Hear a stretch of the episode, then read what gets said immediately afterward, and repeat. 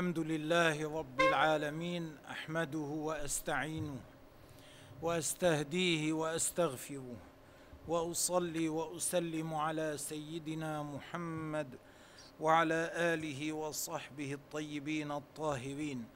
كلامنا يكون إن شاء الله عن الحديث الخامس عشر من الأربعين النووية.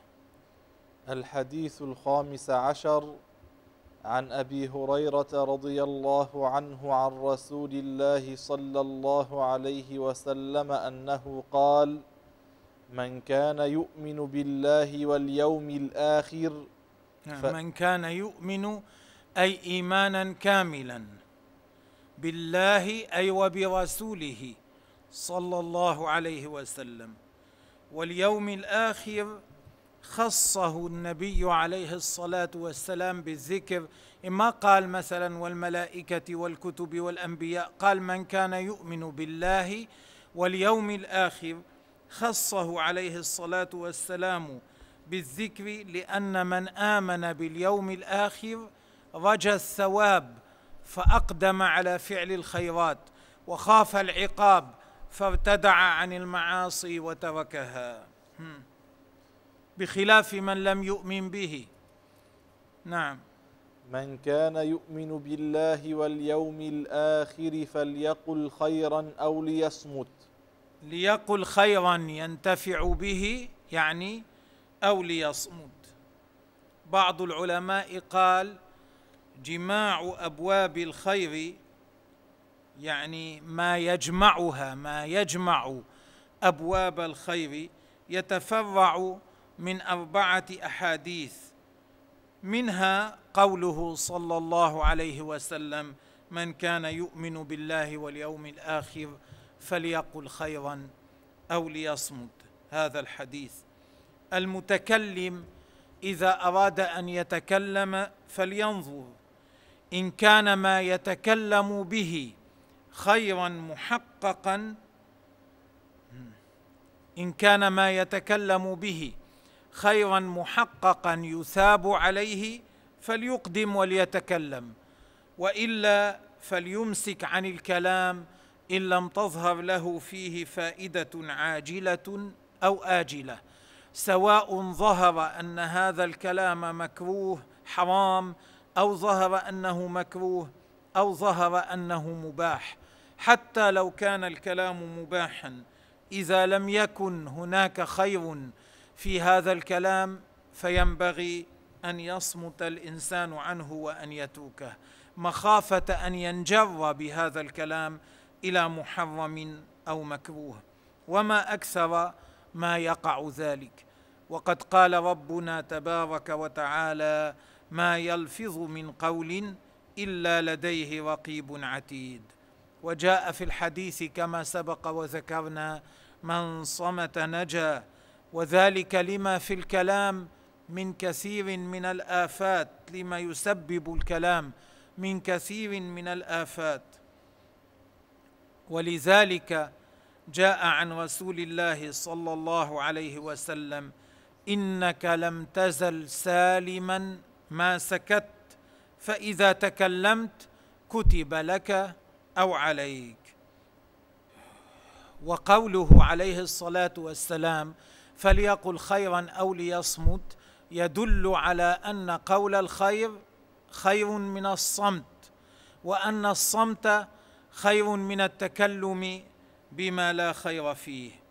ومن قول الخير الإبلاغ عن الله تعالى وعن رسول الله صلى الله عليه وسلم وتعليم المسلمين والأمر بالمعروف والنهي عن المنكر والإصلاح بين الناس وأن يقول وأن يقول للناس حسنا. ومن أفضل الكلمات التي تقال كلمة حق عند من يخاف ويرجى عند الإنسان الذي يخشى من عقوبته وترجى نعمته. الذي يقول الحق في ثبات وسداد عند مثل هذا الإنسان فكلامه من خير الكلام. حتى جاء في حديث أبي داود وغيره أن رسول الله صلى الله عليه وسلم قال أفضل الجهاد كلمة حق عند سلطان جائر. أي هذا في بعض المواضع يكفي بعض الأحوال يكون أفضل الجهاد. كلمة حق تقال عند سلطان جائر تخشى عقوبته وظلمه. ومن هذا الباب قال أبو علي الدقاق رحمه الله تعالى الساكت عن الحق شيطان أخرس. فلا شك أن الكلام في مثل هذا الموضع خير من الصمت. بالكلام تظهر الفوائد بالكلام ينتشر الحق بالكلام يحذر من الباطل بالكلام يعلم العلم بالكلام يرشد الناس إلى الخير. فالكلام في موضعه من أنفس الخصال وأنفع الشمائل. كيف لا؟ وربنا تبارك وتعالى يقول يا أيها الذين آمنوا اتقوا الله وقولوا قولا سديدا. أي إذا كان المتكلم محقا صادقا واعتقد أن في الكلام نفعا علم أنه تتحقق بالكلام مصلحة له أو لغيره. أي ما يعد مصلحة في الشرع ليس أن يتحقق بالكلام مجرد مأرب له أو لغيره. لا إنما مصلحة ما يعد مصلحة في حكم الشرع. وإذا كان كلامه خاليا عن علة الرياء يقوله لوجه الله ليس طلبا لمحمدة الناس خاليا عن العجب والرياء وطلب السمعة والاستعلاء على الآخرين. وإذا كان الكلام خاليا عن التلبيس أحيانا يتكلم الإنسان بكلام يحتمل وجوها. عدة معاني. يتعمد أن يتكلم بذلك حتى يوهم الحاضرين. كل واحد ما تميل إليه نفسه. فهذا ليس من ليس من النصيحة ولا هو من طريق المت ولا هو من طريق المتقين. فإذا لم يكن المتكلم على هذا المنهج فالسكوت خير له ثم خير له. إذا كان المتكلم يريد بكلامه غير وجه الله إذا كان المتكلم يريد السمعة يريد الرياء إذا كان المتكلم يريد المخادعة فالسكوت خير له ثم خير له. ولذلك كان طول السكوت شأن العارفين ومنهاج الصالحين لأنهم لا يتكلمون إلا بما يرجون منفعته. فما كانوا لا يرجون منفعته خزنوه ولم يخرجوه على ألسنتهم. وهذا الأمر يحتاج إلى تدريب وذلك لأن النفس تميل إلى الكلام شهوة الكلام من أقوى الشهوات التي هي عند الإنسان. لذلك ينبغي على المسلم أن يدرب نفسه أن يكثر الصمت إلا من خير. روى أبو نعيم في الحلية عن الفضيل بن عياض رضي الله عنه أنه قال لا حج ولا رباط ولا جهاد أشد من حبس اللسان على العباد. يعني عند أغلب الناس هذا شاق عليهم أشق عليهم من المشقة التي يجدونها في الحج ومن المشقة التي يجدونها في الرباط ومن المشقة التي يجدونها في الجهاد. ترى الإنسان يبذل المشقة في الحج لكن لا يبذل الجهد لا يبذل الجهد لإمساك لسانه. تراه يبذل الجهد ويتحمل المشقة في الجهاد لكن لا يبذل الجهد في إمساك لسانه. تراه يبذل الجهد في الرباط ولكن لا لا يبذل الجهد في إمساك لسانه. وروي روى أبو نعيم أيضا عن بشر الحافي أنه قال يرشد الإنسان كيف يفعل في هذا الأمر. قال إذا أعجبك أن تتكلم فاسكت وإذا أعجبك أن تسكت فتكلم. يعني إذا وجدت أن نفسك تميل إلى الكلام أن شهوة نفسك هي التي تحركك إلى الكلام ليس قصدك الخير ليس قصد الخ... ليس قصد الخير هو الذي يحركك. إنما تحركك شهوة نفسك لتتكلم فاسكت. وإذا وإذا وجدت أن شهوة نفسك تحركك لتسكت فتكلم. خالف نفسك واكسرها وافعل ما فيه مرضاة الله تبارك وتعالى.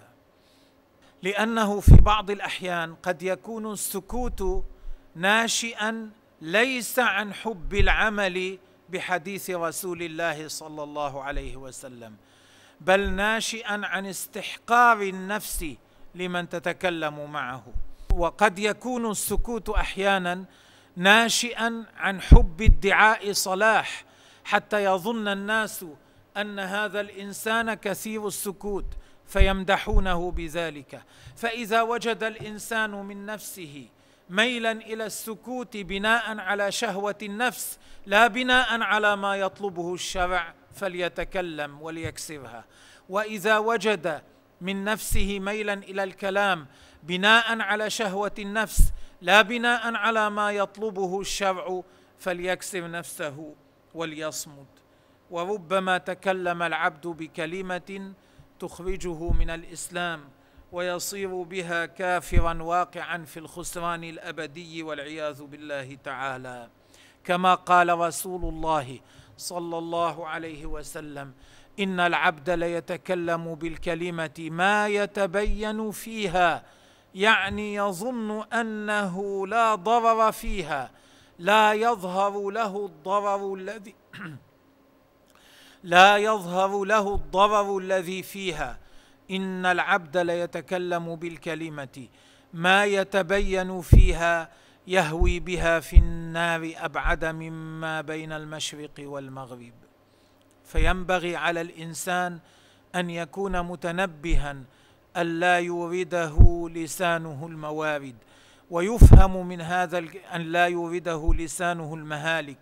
ويفهم من هذا الحديث أن الإنسان يقع في الكفر بمثل هذه الكلمات ولو لم يعرف أنه كفر.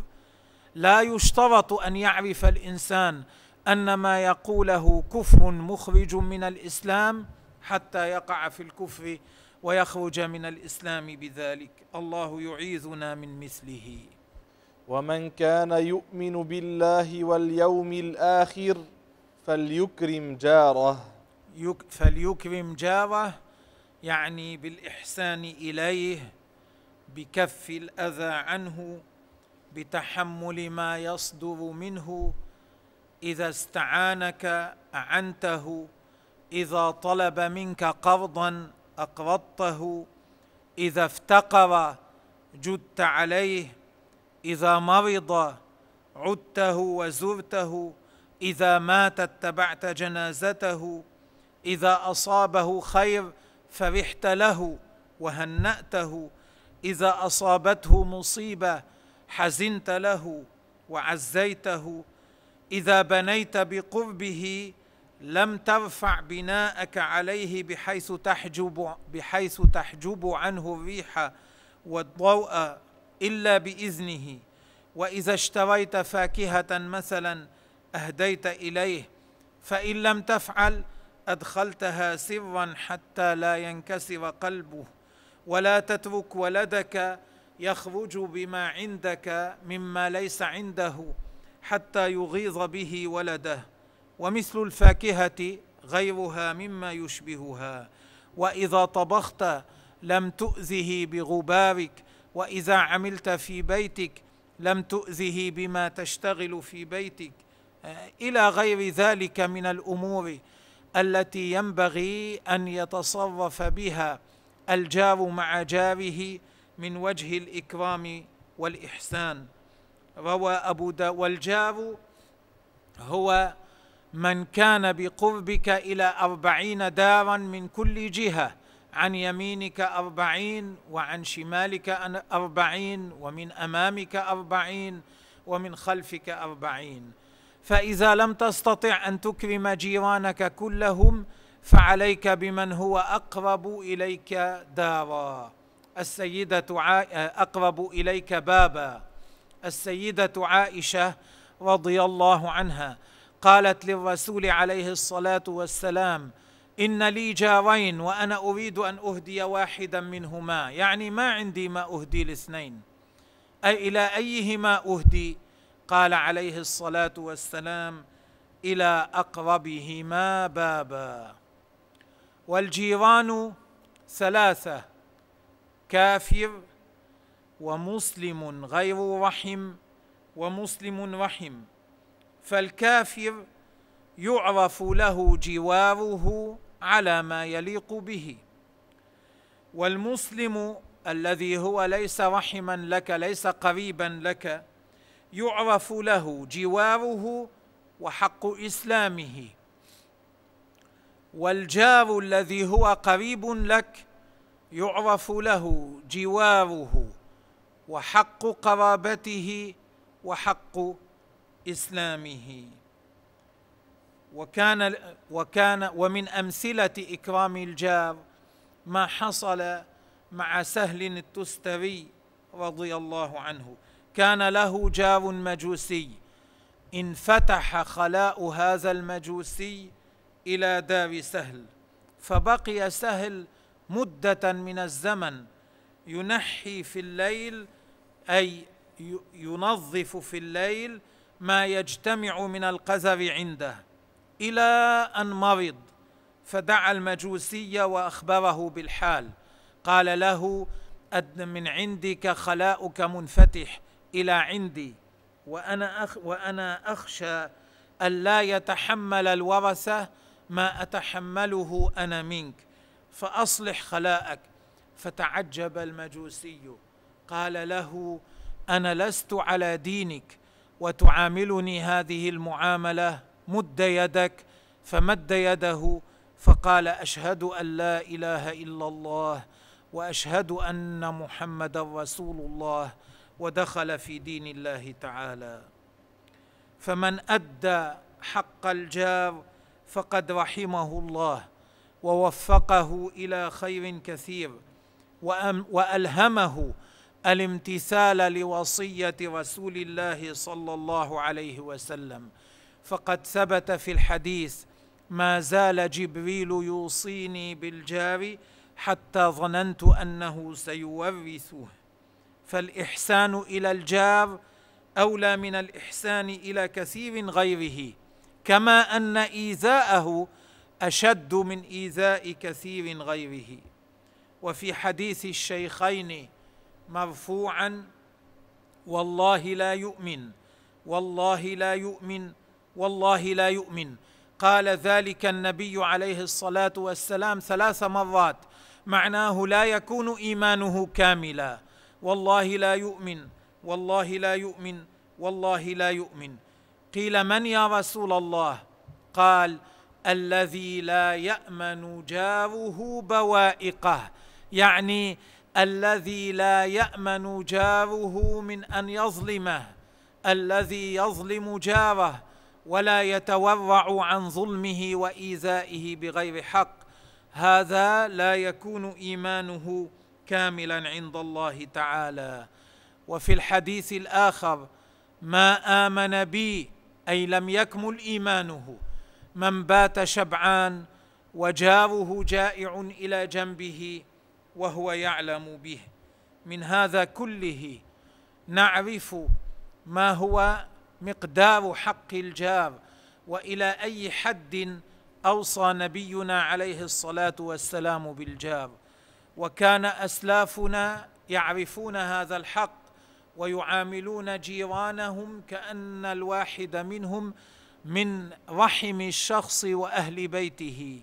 وهذا أمر في أيامنا صار في كثير من المواضع كالمنقرض بل إن كثيرا من الناس لا يعرف الواحد منهم ما هو اسم جاره ومن هو جاره. لا لم يزره قط ولم يحسن إليه قط ولا سلم عليه قط ولا نظر في حاجته قط ولا تفقده قط ولا أعانه قط ولا ساعده قط ولا ولا ولا واساه في مصيبته قط وهذا من التقصير العظيم الذي لا ينبغي أن يكون عليه المسلم. امضي ومن كان يؤمن بالله وإذا كان الإنسان قد وقع في مثل هذا التقصير فما أجدره أن يبادر إلى الاستدراك أن يستدرك هذا فيزور جيرانه ويتعرف عليهم وينظر إلى حاجاتهم وإن كان فيهم من لم يتعلم علم الدين يسعى في تعليمه وإذا كان فيهم من هو فقير محتاج من أهل الضرورات يسعى في سد في سد فقره وحاجته وهكذا ينبغي أن يكون المسلم مع المسلم. نسأل الله أن يوفقنا لذلك. ومن كان يؤمن بالله واليوم الآخر فليكرم ضيفه. انظر النبي عليه الصلاة والسلام في كل جملة من هذا الحديث بدأه من كان يؤمن بالله واليوم الآخر من كان يؤمن بالله واليوم الآخر من كان يؤمن بالله واليوم الآخر دلالة على أهمية كل أمر من هذه الأمور الثلاثة.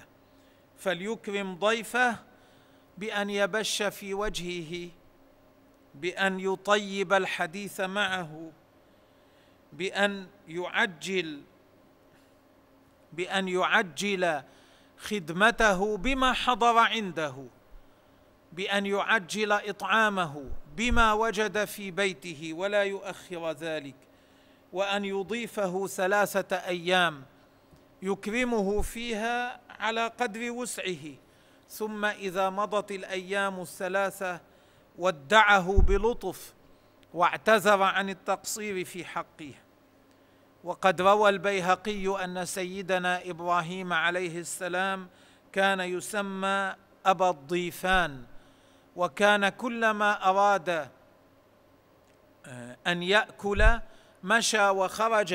إن لم يوجد عنده من يأكل معه مشى وخرج وبحث حتى يستضيف إنسانا يأكل معه. وذلك لما لهذه الخصلة من الفضل. وقال ابن وقال ابن هبيرة في هذا الحديث من الفقه أن يعتقد الإنسان أن إكرام الضيف عبادة لا ينقصها أن يضيف غنيا. لو كان ضيفه غنيا هذا لا ينقص هذه العبادة عن رتبتها التي هي عليها ولا يعيرها أن يقدم إلى ضيفه اليسير مما عنده. إذا لم يكن عنده إلا القليل فقدمه إلى ضيفه هذا لا يعير إضافته له. فإكرامه أن يسارع إلى البش في وجهه ويطيب الحديث له. وعماد أمر الضيافة إطعام الطعام فينبغي أن يبادر أن يسرع بما فتح الله عليه من غير كلفة إلى آخره. وعلى كل حال فالزيادة في إكرام الضيف ليست من الإسراف. كان شيخنا رحمه الله يأكل المرق والخبز وإذا جاءه ضيف يشتري له اللحم يكرمه بذلك. فإذا حتى ورد حتى إنه روي عن بعض السلف أنه قال لو أن الدنيا جمعت حتى تكون في مقدار لقمة ثم أخذها امرؤ مسلم فوضعها في فم أخيه المسلم لما كان مسرفا. وقال آخر لو أن الدنيا كلها في لقمة ثم جاء أخ لي جاءني أخ لي لأحببت أن أضعها في فيه. وحصل أن زرت مع أحد الإخوان الشيخ أحمد الحصري رحمه الله وهو فقيه شافعي كان يعيش في معرة النعمان. لما زرك وكان مسنا كبير السن حتى إنه كان يصلي النفل وهو قاعد. مع هذا فإنه رحمه الله تعالى. استضافنا ولم يتركنا نخرج من عنده بل أصر أن نبيت عنده في بيته. قدم لنا الطعام وخدمنا بنفسه عند الطعام. ثم بعد ذلك رتب لنا مكان النوم. ثم بعد ذلك لما أفقنا لصلاة الصبح وجدناه قام بنفسه فأوقد النار حتى سخن الماء. لعل أحدا منا يقوم جنبا فيحتاج للماء للاغتسال. فعل هذا كله بنفسه مع كبر سنه رحمه الله تعالى. وإنما فعل ذلك قياما بحق إكرام الضيف الذي حث عليه رسول الله صلى الله عليه وسلم. فرحمه الله وصلى الله على سيد رسول الله ووفقنا الله تعالى للعمل بمضمون هذا الحديث. هذا الحديث رواه الشيخان وغيرهما رواه الترمذي وأبو داود وابن ماجة وابن ماجة أيضا. والله تبارك وتعالى أعلم.